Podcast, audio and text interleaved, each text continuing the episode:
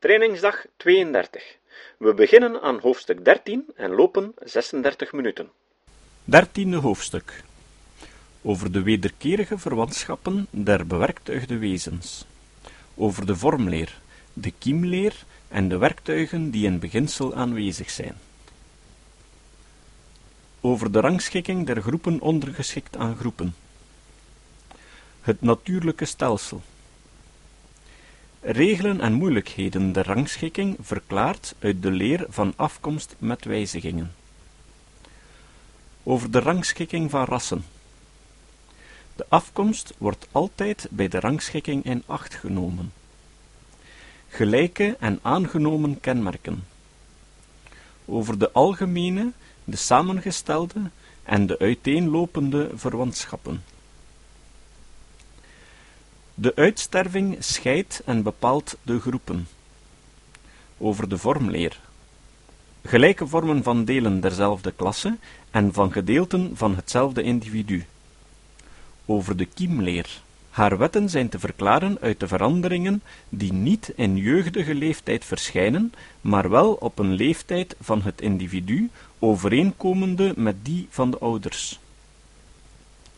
Werktuigen die in beginsel aanwezig zijn. Verklaring van hun oorsprong. Overzicht. Sedert de dageraad des levens worden alle bewerktuigde wezens gevonden in mindere of meerdere mate op elkaar te gelijken, zodat ze in groepen gerangschikt kunnen worden. Die rangschikking is volstrekt niet willekeurig, gelijk de rangschikking van sterren en sterrenbeelden. Het bestaan van groepen zou van een zeer eenvoudige betekenis zijn, indien de ene groep uitsluitend geschikt was om op het land te wonen, de andere om in het water te leven, een derde om vlees, een vierde om planten te eten. Doch zo is het volstrekt niet. Het is algemeen bekend hoe zelfs leden van dezelfde ondergroep verschillende gewoonten hebben. In het tweede en het vierde hoofdstuk over de veranderlijkheid en over de natuurkeus heb ik getracht te bewijzen dat het de ver verspreide, de algemene, dat is de heersende soort van het heersende, dat is het grootste geslacht is, die het meest verandert. De rassen of wordende soorten worden ten laatste in nieuwe en verschillende soorten veranderd en deze ten gevolge van de erfelijkheid streven om andere nieuwe heersende soorten voor te brengen. Gevolglijk streven de groepen die nu groot zijn en veelal vele heersende soorten bevatten, om al groter en groter te worden. Verder trachtte ik te bewijzen dat er onder de veranderende afstammelingen van een soort, die zoveel plaatsen als slechts mogelijk is in de huishouding van de natuur trachten in te nemen, een voortdurend streven bestaat om hun kenmerken te verspreiden. Die uitkomst werd gesteund door het zien van menigvuldige verschillende vormen des levens, die binnen een kleine omtrek met elkander mededingen, en ook door zekere feiten in het inheems worden in een bepaald gewest. Ook poogde ik te bewijzen dat er een standvastig streven bestaat in de vormen die toenemen in getal, en die hun kenmerken verspreiden, om de minder uiteengespreide, de minder verbeterde en de oudere vormen te verdringen en uit te roeien. Ik verzoek de lezer de tekening nogmaals uit te slaan, die we in het vierde hoofdstuk gebruikt hebben, om al die verschillende beschouwingen te verklaren. Hij zal daaruit zien dat het een onvermijdelijke zaak is dat de gewijzigde afstammelingen van een stamvader verdeeld worden in groepen ondergeschikt aan groepen. Elke letter op de bovenste lijn van onze tekening stelt een geslacht uit verscheidene soorten bestaande voor. Alle geslachten van die lijn vormen tezamen een klasse, want allen zijn afstammelingen van een oude, maar nooit geziene stamvader en hebben gevolglijk iets gemeenschappelijk geërfd. Doch de drie geslachten aan de linkerkant hebben, volgens deze stelling, meer wat aan alle drie gemeen is en vormen een onderfamilie, onderscheiden van die welke de naaste twee geslachten rechts bevatten, die eerst van een gemeenschappelijke stamvader op de vijfde trap van afstamming zijn ontsprongen. Die vijf geslachten hebben derhalve ook veel, ofschoon minder, onderling gemeen, en ze vormen een familie, verschillende van die welke de drie geslachten bevat, nog verder van de rechterkant staande, en welke in vroegere tijdperken ontstaan zijn. En al die geslachten uit A ontsprongen, vormen een orde, verschillend van de geslachten uit I afkomstig. Zodat wij hier vele soorten die van één enkele stamvader afstammen in geslachten gerangschikt hebben, en de geslachten zijn besloten in of ondergeschikt aan onderfamiliën, familien en orden allen tot een klasse verenigd. Op die wijze nu is naar mijn mening het grote feit in de natuurlijke historie te verklaren, namelijk dat groepen zijn ondergeschikt aan groepen. De natuurkundigen trachten de soorten, geslachten en familien in elke klasse te rangschikken naar het natuurlijk stelsel. Maar wat meent men met die uitdrukking het natuurlijk stelsel? Sommige schrijvers beschouwen het slechts als een lijst of een raam om daarin de levende wezens te rangschikken, welke het meest op elkaar gelijken, en om die welke ongelijk zijn van elkander af te scheiden. Anderen houden het voor een kunstmiddel om algemene kenmerken op te sommen, en wel zo kort en beknopt mogelijk, dat is om in één zinsnede de kenmerken op te geven van alle zoogdieren, in een andere die van alle vleesetende dieren, in een volgende die van alle canidae en door er dan nog een laatste zinsnede bij te voegen, ineens een volkomen beschrijving van elke soort van hond te geven. De bruikbaarheid en nuttigheid van dat stelsel zijn niet te ontkennen. Maar er zijn natuurkundigen die menen dat er door die uitdrukking, het natuurlijk stelsel, iets meer wordt bedoeld. Ze geloven dat het een openbaring is van het plan van de schepper, doch, wijl wij niet in staat zijn om tijd en ruimte te bevatten, of het plan van de schepper te kennen, zo draagt zulk een geloof, dunkt me, al zeer weinig bij tot de vermeerdering van onze kennis. Zulke uitdrukking, gelijk het beroemde gezegde van Linnaeus, het welk wij dikwijls in min of meer verbloemde vorm herhaald vinden, namelijk dat de kenmerken het geslacht niet maken, maar dat het geslacht de kenmerken geeft, schijnen te willen zeggen dat er meer in onze rangschikking besloten is dan de gelijkheid alleen. Ik geloof volkomen dat er iets meer in besloten is en dat gemeenschappelijkheid van afkomst, de enige bekende oorzaak van de gelijkheid van bewerktuigde wezens, de geheime band is die de schepselen aaneenbindt door verschillende trappen van wijzigingen, die ten dele uit onze rangschikking blijken. Laat ons nu de regelen nagaan die in de rangschikking gevolgd worden, en de moeilijkheid die we ontmoeten uit het oogpunt van de rangschikking is of een schets van een onbekend scheppingsplan, of een lijst om algemene kenmerken op te sommen en de vormen die het meest op elkaar gelijken bij elkander te plaatsen. Men zou kunnen menen, en in oude tijden heeft men dat ook gemeend, dat die delen der lichaamsinrichting, welke de zeden en gewoonten en tevens de algemene plaats van elk wezen in de huishouding der natuur bepaalden, van het grootste gewicht in de rangschikking waren. Niets kan echter valser zijn. Niemand houdt de uitwendige gelijkheid van een muis met een spitsmuis, van een dugong met een walvis, van een walvis met een vis, voor een zaak van enig belang. Die kenmerken, ofschoon zo innig verbonden met het gehele leven van het dier, worden slechts als gelijke of toevallige overeenkomsten beschouwd. Zelfs mag het als een algemene regel aangenomen worden dat hoe geringer de betrekking is van enig deel der bewerktuiging tot de bijzondere gewoonten van het schepsel, des te belangrijker wordt zulk een deel voor de rangschikking. Zo zegt Owen, sprekende over de dugong. De voortplantingswerktuigen, het minst van allen tot de gewoonten en het voedsel van het dier in verband staande, zijn het die ik altijd beschouwd heb als zijn ware verwantschappen het duidelijkste aanwijzende. We zijn in de wijzigingen van zijn werktuigen het minst blootgesteld aan het gevaar van een bijkomend kenmerk voor een wezenlijk te nemen. Zo is het ook met de planten. Hoe merkwaardig is het dat de werktuigen waardoor zij groeien en zich ontwikkelen en waarvan haar gehele leven afhangt van zulke geringe betekenis zijn, behalve in de eerste hoofdverdelingen. Terwijl de werktuigen ter voortplanting met hun voortbrengsel, het zaad, van zulk groot gewicht in de rangschikking zijn. We moeten daarom in de rangschikking niet vertrouwen op de gelijkheid in de delen der bewerktuiging, hoe belangrijk ze ook mogen zijn voor het welzijn van het schepsel in betrekking tot de buitenwereld. Misschien is daardoor wel degelijk de omstandigheid ontstaan dat bijna alle natuurkundigen met de meeste ijver zulke gelijke werktuigen die van een hoog fysiologisch belang zijn, opzoeken. Het denkbeeld dat belangrijke werktuigen ook voor de rangschikking belangrijk zijn, is zeer algemeen, maar is evenwel verre van waar te zijn. Hun belangrijkheid voor de rangschikking hangt, meen ik, slechts daarvan af of zij in gehele groepen van soorten standvastig aanwezig zijn, en de werktuigen die dat zijn, behoren meest altijd tot de zulken die het meest aan verandering onderworpen zijn geweest, gedurende het tijdsverloop dat de soort voor haar levensvoorwaarden geschikt werd dat het fysiologische belang van een werktuig geenszins zijn waarde in de rangschikking bepaalt, wordt reeds door het feit bewezen dat in verwante groepen, waarin hetzelfde werktuig dat, zoals we met recht mogen veronderstellen, in bijna allen hetzelfde fysiologisch belang heeft, echter een zeer verschillende waarde heeft in de rangschikking. Er is geen natuurkundige die de ene of de andere groep heeft bestudeerd, of dat feit moet hem getroffen hebben. Ook spreekt bijna elke schrijver erover. Het zal genoeg zijn hier Robert Brown aan te halen, die over zekere werktuigen van de Protacea sprekende zegt dat hun belangrijkheid in de rangschikking, gelijk die van hun delen, niet slechts in deze, maar, zoals ik vermoed, ook in elke natuurlijke familie zeer ongelijk en in sommige gevallen zo goed als niets is.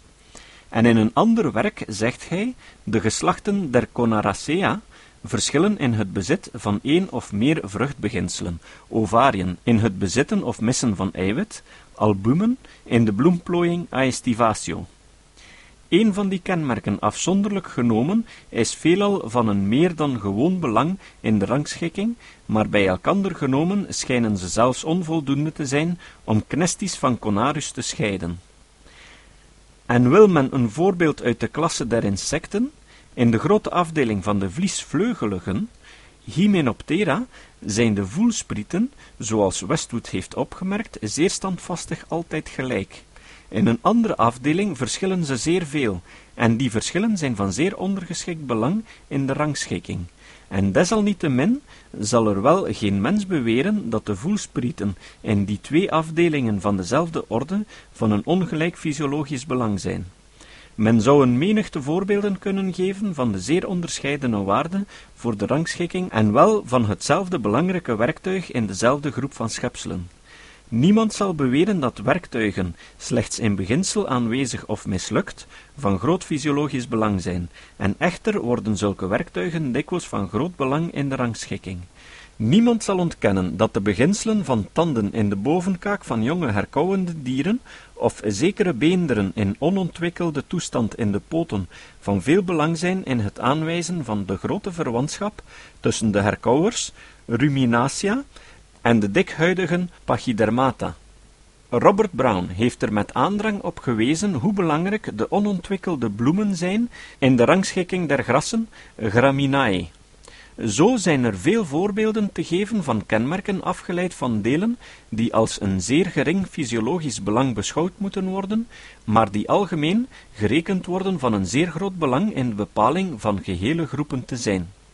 Bijvoorbeeld, of er al of niet een open doorgang is van de neusgaten naar de mond, het enige kenmerk het welk volgens Owen de vissen van de kruipende dieren onderscheidt, de bocht van de hoek der onderkaak van de buideldieren Marsupialia, de wijze waarop de vleugels van de insecten zijn opgevouwd, de kleur van zekere wieren Algea, de gedeeltelijke vruchtbaarheid der bloemen van vele grassen, de natuur van het bekleedsel der huid, haar of vederen bij gewervelde dieren, en dien het vogelbekdier, Ornithorynchus, met vederen in plaats van met haar was bekleed, dan zou dat uitwendige en onbelangrijke kenmerk, dunkt me, door de natuurkundigen beschouwd zijn geworden als een zeer belangrijk hulpmiddel in de bepaling van de graad van verwantschap die er bestaat tussen dat wonderlijke schepsel en vogels en kruipende dieren, en als een bewijs dat ook de inrichting van inwendige en belangrijke werktuigen daarmee overeenstemde.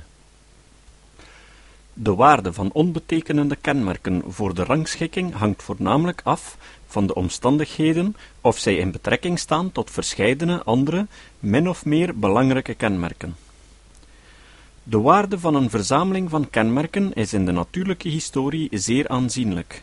Daarom, zoals dikwijls reeds opgemerkt, kan een soort zich van haar verwanten onderscheiden in verschillende kenmerken, zowel van hoog fysiologisch belang als in zulke die in alle opzichten de eerste rang innemen. En echter zal het voor ons niet twijfelachtig zijn waar ze in rangschikking geplaatst moeten worden.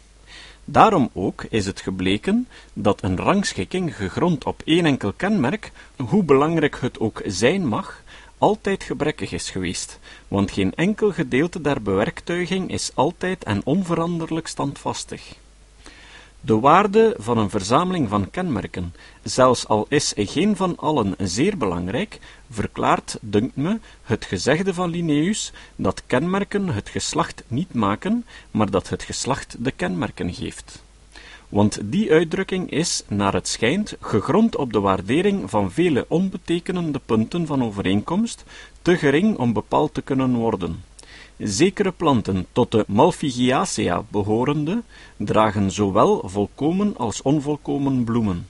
En in die laatsten, gelijk A. de Jussieu heeft opgemerkt, verdwijnen de meeste kenmerken eigen aan de soort, aan het geslacht, aan de familie, aan de klasse, en drijven dus de spot met onze rangschikking. Doch, als Aspicarpa gedurende verscheidene jaren in Frankrijk slechts onvolkomen bloemen voortbracht, bloemen die zo grootlijks in de belangrijke punten afweken van de grondvorm van de orde, nam Richard daaruit aanleiding, zoals de Jussieu doet opmerken, om dit geslacht bij de Malpighiacea te plaatsen. Dit geval schijnt mij toe een goed voorbeeld te zijn van de geest die onze rangschikking somtijds noodzakelijk beheerst. De meeste natuurkundigen vragen niet naar de fysiologische waarde van de kenmerken waarvan zij gebruik maken om een groep te bepalen.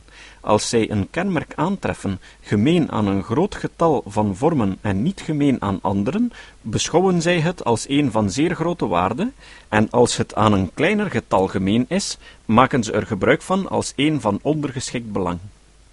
Dat beginsel is door vele natuurkundigen onbewimpeld voor het ware verklaard, en door niemand krachtiger dan door de uitmuntende kruidenkenner Auguste Saint-Hilaire. Als zekere kenmerken altijd in verband met anderen gevonden worden, ofschoon de band die hen verbindt niet ontdekt kan worden, dan krijgt het een waarde als soortkenmerk. Daarbij de meeste groepen van dieren belangrijke werktuigen, zoals die welke voor de bloedsomloop, voor de ademhaling, voor de voortteling dienen, bijna dezelfde zijn, zo worden zij als zeer dienstig voor de rangschikking beschouwd. Maar bij sommige groepen van dieren vindt men dat al die werktuigen, de belangrijksten voor het leven, kenmerken van zeer ondergeschikte waarde zijn. Het is duidelijk waarom kenmerken afgeleid van het embryo even belangrijk kunnen zijn als die welke van het volwassene wezen worden afgeleid, want onze rangschikking omvat alle leeftijden van elke soort. Maar het is uit het gewone oogpunt geenszins duidelijk waarom de inrichting van het embryo zelfs van meer belang is voor de rangschikking van die van het volwassen schepsel, het welk alleen een belangrijke rol in de huishouding der natuur speelt. Door de grote natuurkundigen Milne Edwards en Agassiz is er met aandrang op gewezen dat de kenmerken van het embryo de belangrijksten van allen zijn in de rangschikking van de dieren. En die leer is vrij algemeen voor waar aangenomen. We zijn al halfweg deze training. Ook zichtbaar bloeiende planten bewijzen haar, want de twee grote hoofdafdelingen zijn gegrond op kenmerken van het embryo, op het getal en de plaatsing van de embryonale bladeren, de zaadlobben cotyledones en op de wijze waarop het pluimpje, plumula, en het worteltje, radicula, zich ontwikkelen. In onze beschouwing der embryo's zullen we zien waarom zulke kenmerken van zo grote waarde zijn. Uit het oogpunt van de rangschikking niets anders moet zijn dan een uitdrukking van de afstamming. Ketenen of reeksen van verwantschappen hebben soms een grote invloed op onze rangschikking. Niets is gemakkelijker dan een menigte kenmerken op te sommen die aan alle vogels gemeen zijn. Doch bij schaaldieren, Crustacea, is zulks tot op heden nog onmogelijk geweest. Er zijn schaaldieren, staande aan de beide einden der reeks, die nauwelijks in één enkel kenmerk op elkander gelijken. Echter, de soorten die aan beide einden staan, kunnen zonder tegenspraak bewezen worden, doordat zij volkomen verwant zijn aan anderen, en zo vervolgens, tot de klasse der schaaldieren te behoren en niet tot een andere klasse van gelede dieren, articulata. De verspreiding over de aarde is dikwijls, ofschoon misschien niet zeer logisch, bij de rangschikking in acht genomen, vooral bij die van zeer grote groepen van naverwante vormen. Temmink beweerde de nuttigheid en zelfs de noodzakelijkheid van die handelswijze in het rangschikken van zekere groepen van vogels, door verscheidene insecten en kruidkenners is zij gevolgd geworden. Eindelijk, wat de betrekkelijke waarde van de verschillende groepen van soorten aangaat, orden, onderorden, familien, onderfamiliën en geslachten, allen schijnen ten minste tot heden vrij willekeurig te zijn. Door verscheidene grote kruidkenners, onder andere door Bentham, is die willekeurigheid terecht in het daglicht gesteld. Bij de planten en insecten heeft men voorbeelden dat een groep van vormen eerst door de natuurkundigen als een geslacht werd beschouwd en vervolgens opgevoerd werd tot de rang van een onderfamilie of familie. En waarom dat? Niet omdat nadere onderzoekingen belangrijke verschillen der lichaamsinrichting, die voorheen over het hoofd gezien waren, aan het licht gebracht hadden, maar slechts omdat er naderhand vele verwante soorten met slechts geringe verschillen ontdekt geworden zijn. Al die hier behandelende regelen en hulpmiddelen en moeilijkheden in de rangschikking zijn te verklaren, tenminste indien ik mij niet zeer bedrieg, uit het oogpunt dat het natuurlijk stelsel gegrond is op de afkomst met wijzigingen, dat de kenmerken die natuurkundigen beschouwen als de ware verwantschappen van twee of meer soorten te bewijzen, de zulken zijn welke geërfd werden van de gemene stamvader, en in zoverre is de ware rangschikking niets dan een lijst van afstamming, een geslachtsboom, een stamboom. En verder dat gemeenschappelijkheid van afkomst de geheime band is die de natuurkundigen onbewust gezocht hebben, en dat hij niet is het ene of andere onbekende scheppingsplan, noch een opsomming van algemene kenmerken, noch het bijeenvoegen van gelijke en het scheiden van ongelijke voorwerpen. Doch het is nodig dat ik mijn mening iets duidelijker te kennen geef. Ik geloof dat de regeling der plaatsen van de groepen in elke klasse, in de vrijste verhouding en betrekking tot de andere groepen, volstrekt genealogisch moet wezen, dat zij natuurlijk zijn. Maar ik geloof ook dat de som van het verschil in de onderscheidene takken van die stamboom of in de groepen, of schoon in dezelfde graad van bloedverwantschap tot de gemeenschappelijke stamvader staande, zeer groot kan zijn, wijl zulks een gevolg is van de verschillende graden waarin zij gewijzigd zijn geworden. En dit wordt uitgedrukt door de vormen die in verschillende geslachten, familien of orden gerangschikt worden. De lezer zal mijn mening het best begrijpen als hij de moeite neemt alweder de tekening in het vierde hoofdstuk ter hand te nemen. We willen veronderstellen dat de letters grote A tot grote L verwante geslachten voorstellen, welke in de Silurische tijd leefden, en die geslachten zijn afkomstig van een soort die in een vroeger onbekend tijdperk bestond. De soorten van drie diergeslachten, grote A, grote F en grote I, hebben gewijzigde afstammelingen tot op de huidige dag voortgebracht. Zij worden voorgesteld door de vijftien geslachten kleine a exponent 14 tot kleine z exponent 14 op de bovenste dwarslijn. Al die gewijzigde afstammelingen van één enkele soort zijn voorgesteld als bloedverwanten in dezelfde graad op dezelfde trap van afkomst. Men zou hen in de miljoenste graad neven kunnen noemen, en echter verschillen ze grootlijks en in onderscheidene graden van elkaar. De vormen die van grote A afkomstig zijn en nu in twee of drie familien verdeeld zijn, vormen een orde verschillend van die welke van grote I afkomstig zijn en in twee familien is verdeeld. Ook kunnen de bestaande en van grote A afkomstige soorten niet in hetzelfde geslacht met de stamvader grote A geplaatst worden, noch die van grote I met de stamvader grote I. Maar het bestaande geslacht grote F exponent 14 kan verondersteld worden slechts weinig gewijzigd te zijn geworden en zal dus bij de stamvader grote F gerangschikt mogen worden, evenzo als enige weinige levende vormen tot de Silurische geslachten behoren, zodat de som of de waarde van de verschillende tussen bewerktuigde wezens, die allen in dezelfde graad van bloedverwantschap tot elkander staan, zeer onderscheiden is geworden. Desalniettemin blijft toch de stamboom volkomen in zijn geheel en in zijn waarde, niet slechts ten opzichte van de tegenwoordige tijd, maar ook van elk vorig tijdperk. Alle gewijzigde afstammelingen van A zullen gemeenschappelijk iets geërfd hebben van hun gemeenschappelijke stamvader. Ook met die van I is hetzelfde te veronderstellen, en zo zal het zijn met elke tak van afstammelingen in elk opvolgend tijdperk. Willen we evenwel veronderstellen dat sommige afstammelingen van grote A of van grote I zoveel gewijzigd zijn geworden dat ze min of meer volkomen de familietrekken verloren hebben, dan zullen ook hun plaatsen in de natuurlijke rangschikking min of meer volkomen verloren zijn gegaan, gelijk somtijds met bestaande wezens het geval schijnt te zijn.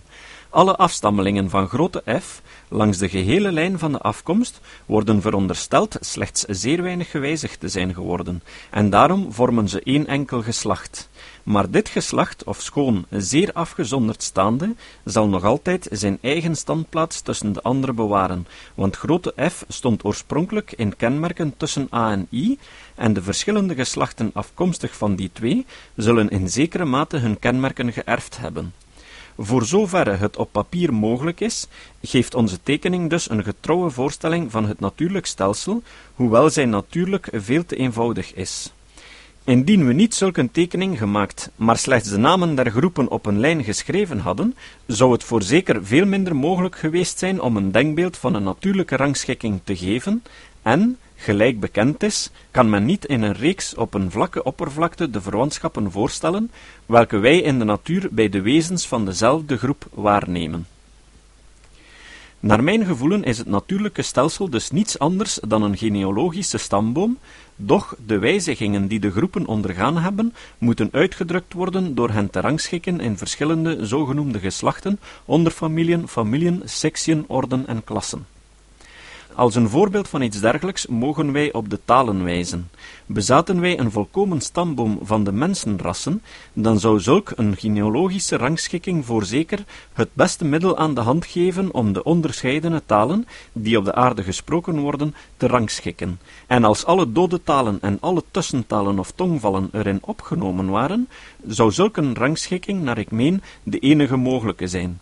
Het kan zijn dat een zeer oude taal enigszins veranderd is en dat er slechts enige nieuwe talen uit ontstaan zijn, terwijl andere, ten gevolge van de verspreiding en opvolgende afzondering en van de toestand van de beschaving van de verschillende mensenrassen afkomstig van één enkel ras, zeer veel veranderd zijn en aanleiding tot het ontstaan van vele nieuwe talen en tongvallen hebben gegeven. De onderscheidene graden van verschil in de talen van dezelfde stam zouden uitgedrukt moeten worden door groepen ondergeschikt aan groepen, doch de ware en alleen mogelijke rangschikking zou altijd die naar de afkomst blijven. En dat zou volstrekt natuurlijk zijn, wijl zulke rangschikking alle talen, dode zowel als levende, door de nauwe verwantschappen zou verenigen en de oorsprong zowel als de levensloop van elke tongval zou aangeven.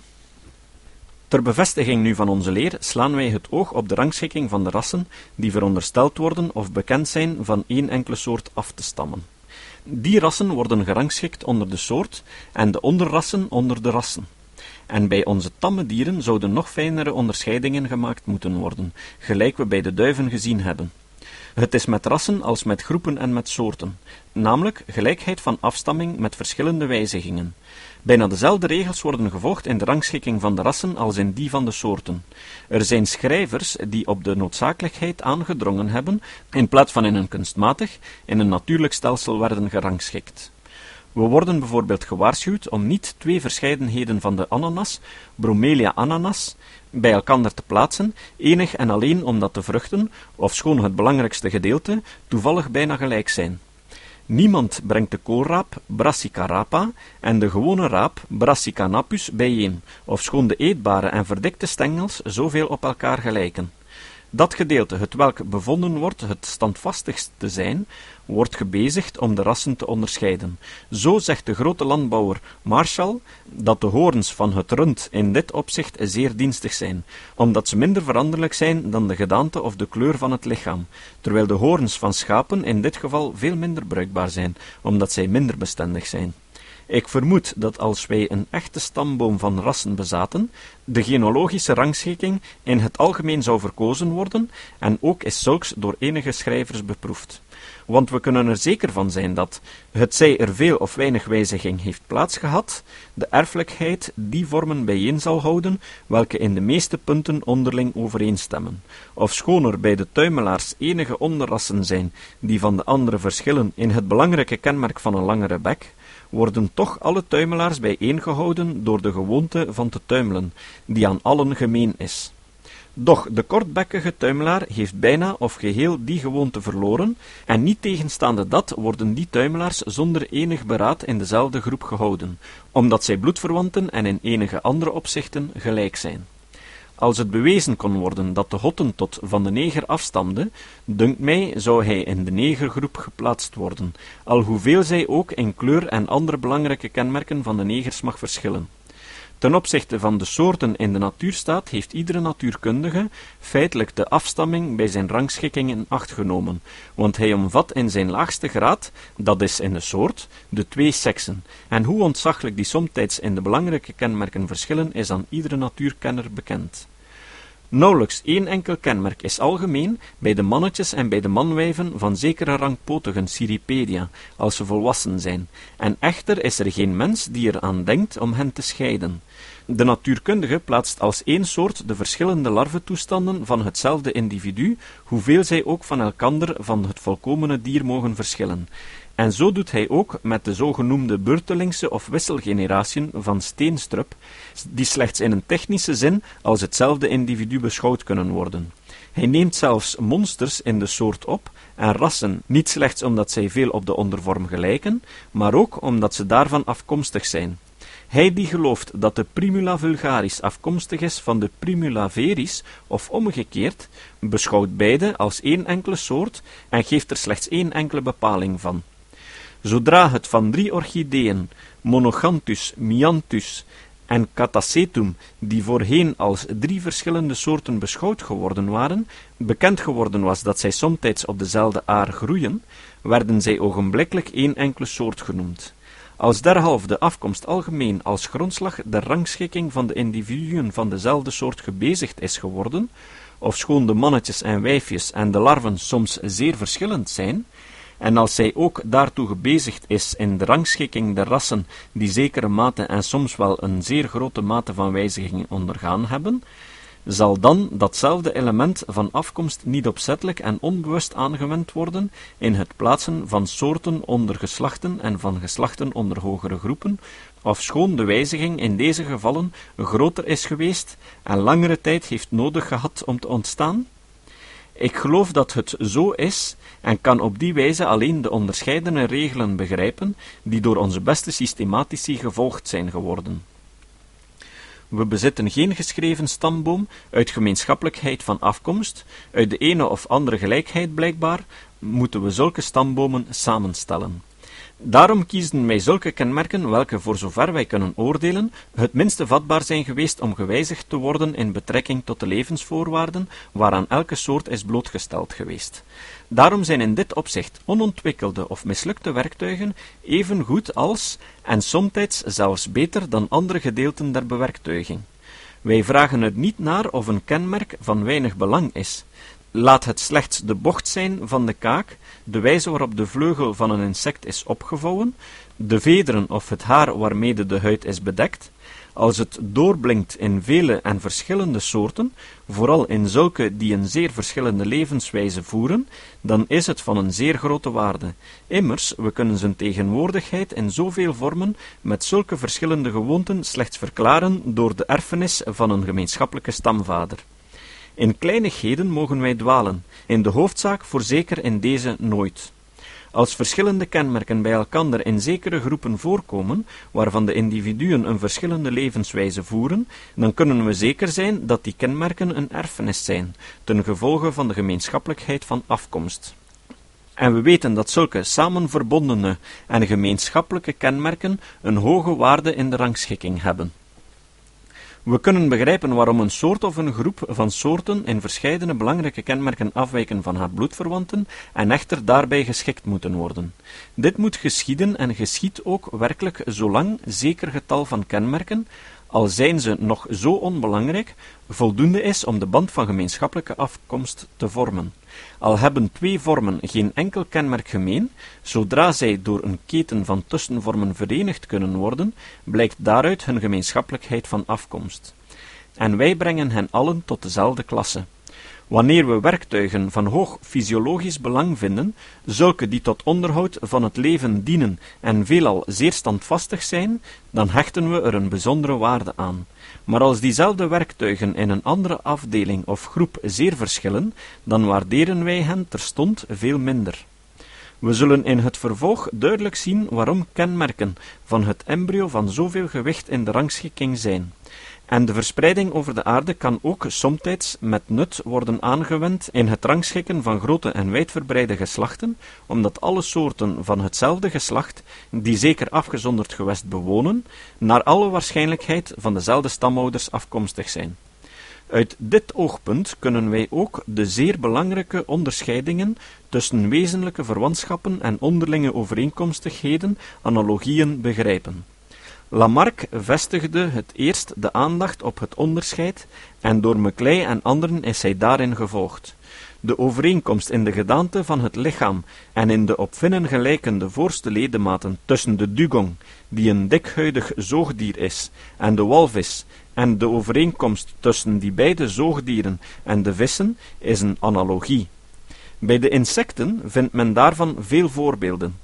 Door zulke overeenkomst misleid, plaatste zelfs Linnaeus een insect tot de gelijkvleugeligen Homopterae, behorende bij de vlinders. We zien iets dergelijks zelfs bij onze tamme dieren en planten, zoals in de verdikte stengels van de gewone en van de koolraap.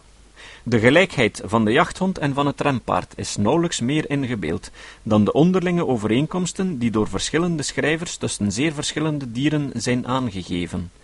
Naar mijn gevoelen dat de kenmerken slechts in zoverre van wezenlijk belang voor de rangschikking zijn, als de afkomst te kennen geven, is het duidelijk waarom overeenkomstige analoge kenmerken, ofschoon zeer belangrijk voor het welzijn van het schepsel, toch bijna altijd zonder waarde zijn voor de rangschikking. Want dieren tot de meest verschillende lijnen van afkomst behorende, kunnen gemakkelijk geschikt geworden zijn voor gelijke levensvoorwaarden, en zullen derhalve een grote uitwendige overeenkomst aan de dag leggen. Maar zulke analogie geeft hun bloedverwantschap niet te kennen. Nee, ze bewijst in vele gevallen dat ze van onderscheidene stammen zijn. We kunnen alzo de schijnbare ongerijmdheden begrijpen, namelijk dat dezelfde kenmerken slechts analoog zijn, indien zekere klassen of orden met elkander worden vergeleken, maar dat zij wezenlijke verwantschappen aanduiden als de leden van dezelfde klasse of orde met elkander vergeleken worden. Zo zijn de op vinnen gelijkende voorste ledematen en de lichaamsgedaante slechts onderlinge overeenkomsten, ze zijn niets meer dan analoog als de walvissen met de vissen worden vergeleken. In beide klassen zijn zij kenmerken die bewijzen dat zij voor het zwemmen zijn geschikt. Doch de lichaamsgedaante en de op vinnen gelijkende voorste ledematen dienen ons als kenmerk die de wezenlijke verwantschap van de verschillende leden der walvisfamilie tot elkander bewijzen, want die waterzoogdieren komen in zoveel opzichten en kenmerken groot en klein overeen, dat we niet mogen twijfelen of ze hebben hun algemene lichaamsgedaante en de inrichting van hun ledematen van een algemene stamvader geërfd. Ook bij vissen is het zo. Daar de leden van verschillende klassen vaak door opvolgende geringe wijzigingen geschikt zijn geworden om onder bijna dezelfde of gelijke voorwaarden te leven, bijvoorbeeld om te leven in de lucht, in het water of op het land, kunnen we misschien begrijpen hoe het komt dat er soms een overeenstemming in de getallen waargenomen is tussen de groepen van verschillende klassen. Een natuurkundige, door een overeenstemming van dien aard in de ene of andere klasse getroffen, kan er gemakkelijk toe komen om zulke overeenstemming over een zeer grote omvang uit te strekken, door willekeurig de waarde van de groepen en van de klassen te verhogen of te verlagen. De ondervinding bewijst ook dat die waardering tot op heden volkomen willekeurig is geweest. En op die wijze zijn hoogstwaarschijnlijk de septenaire, quinaire, quaternaire en ternaire rangen ontstaan.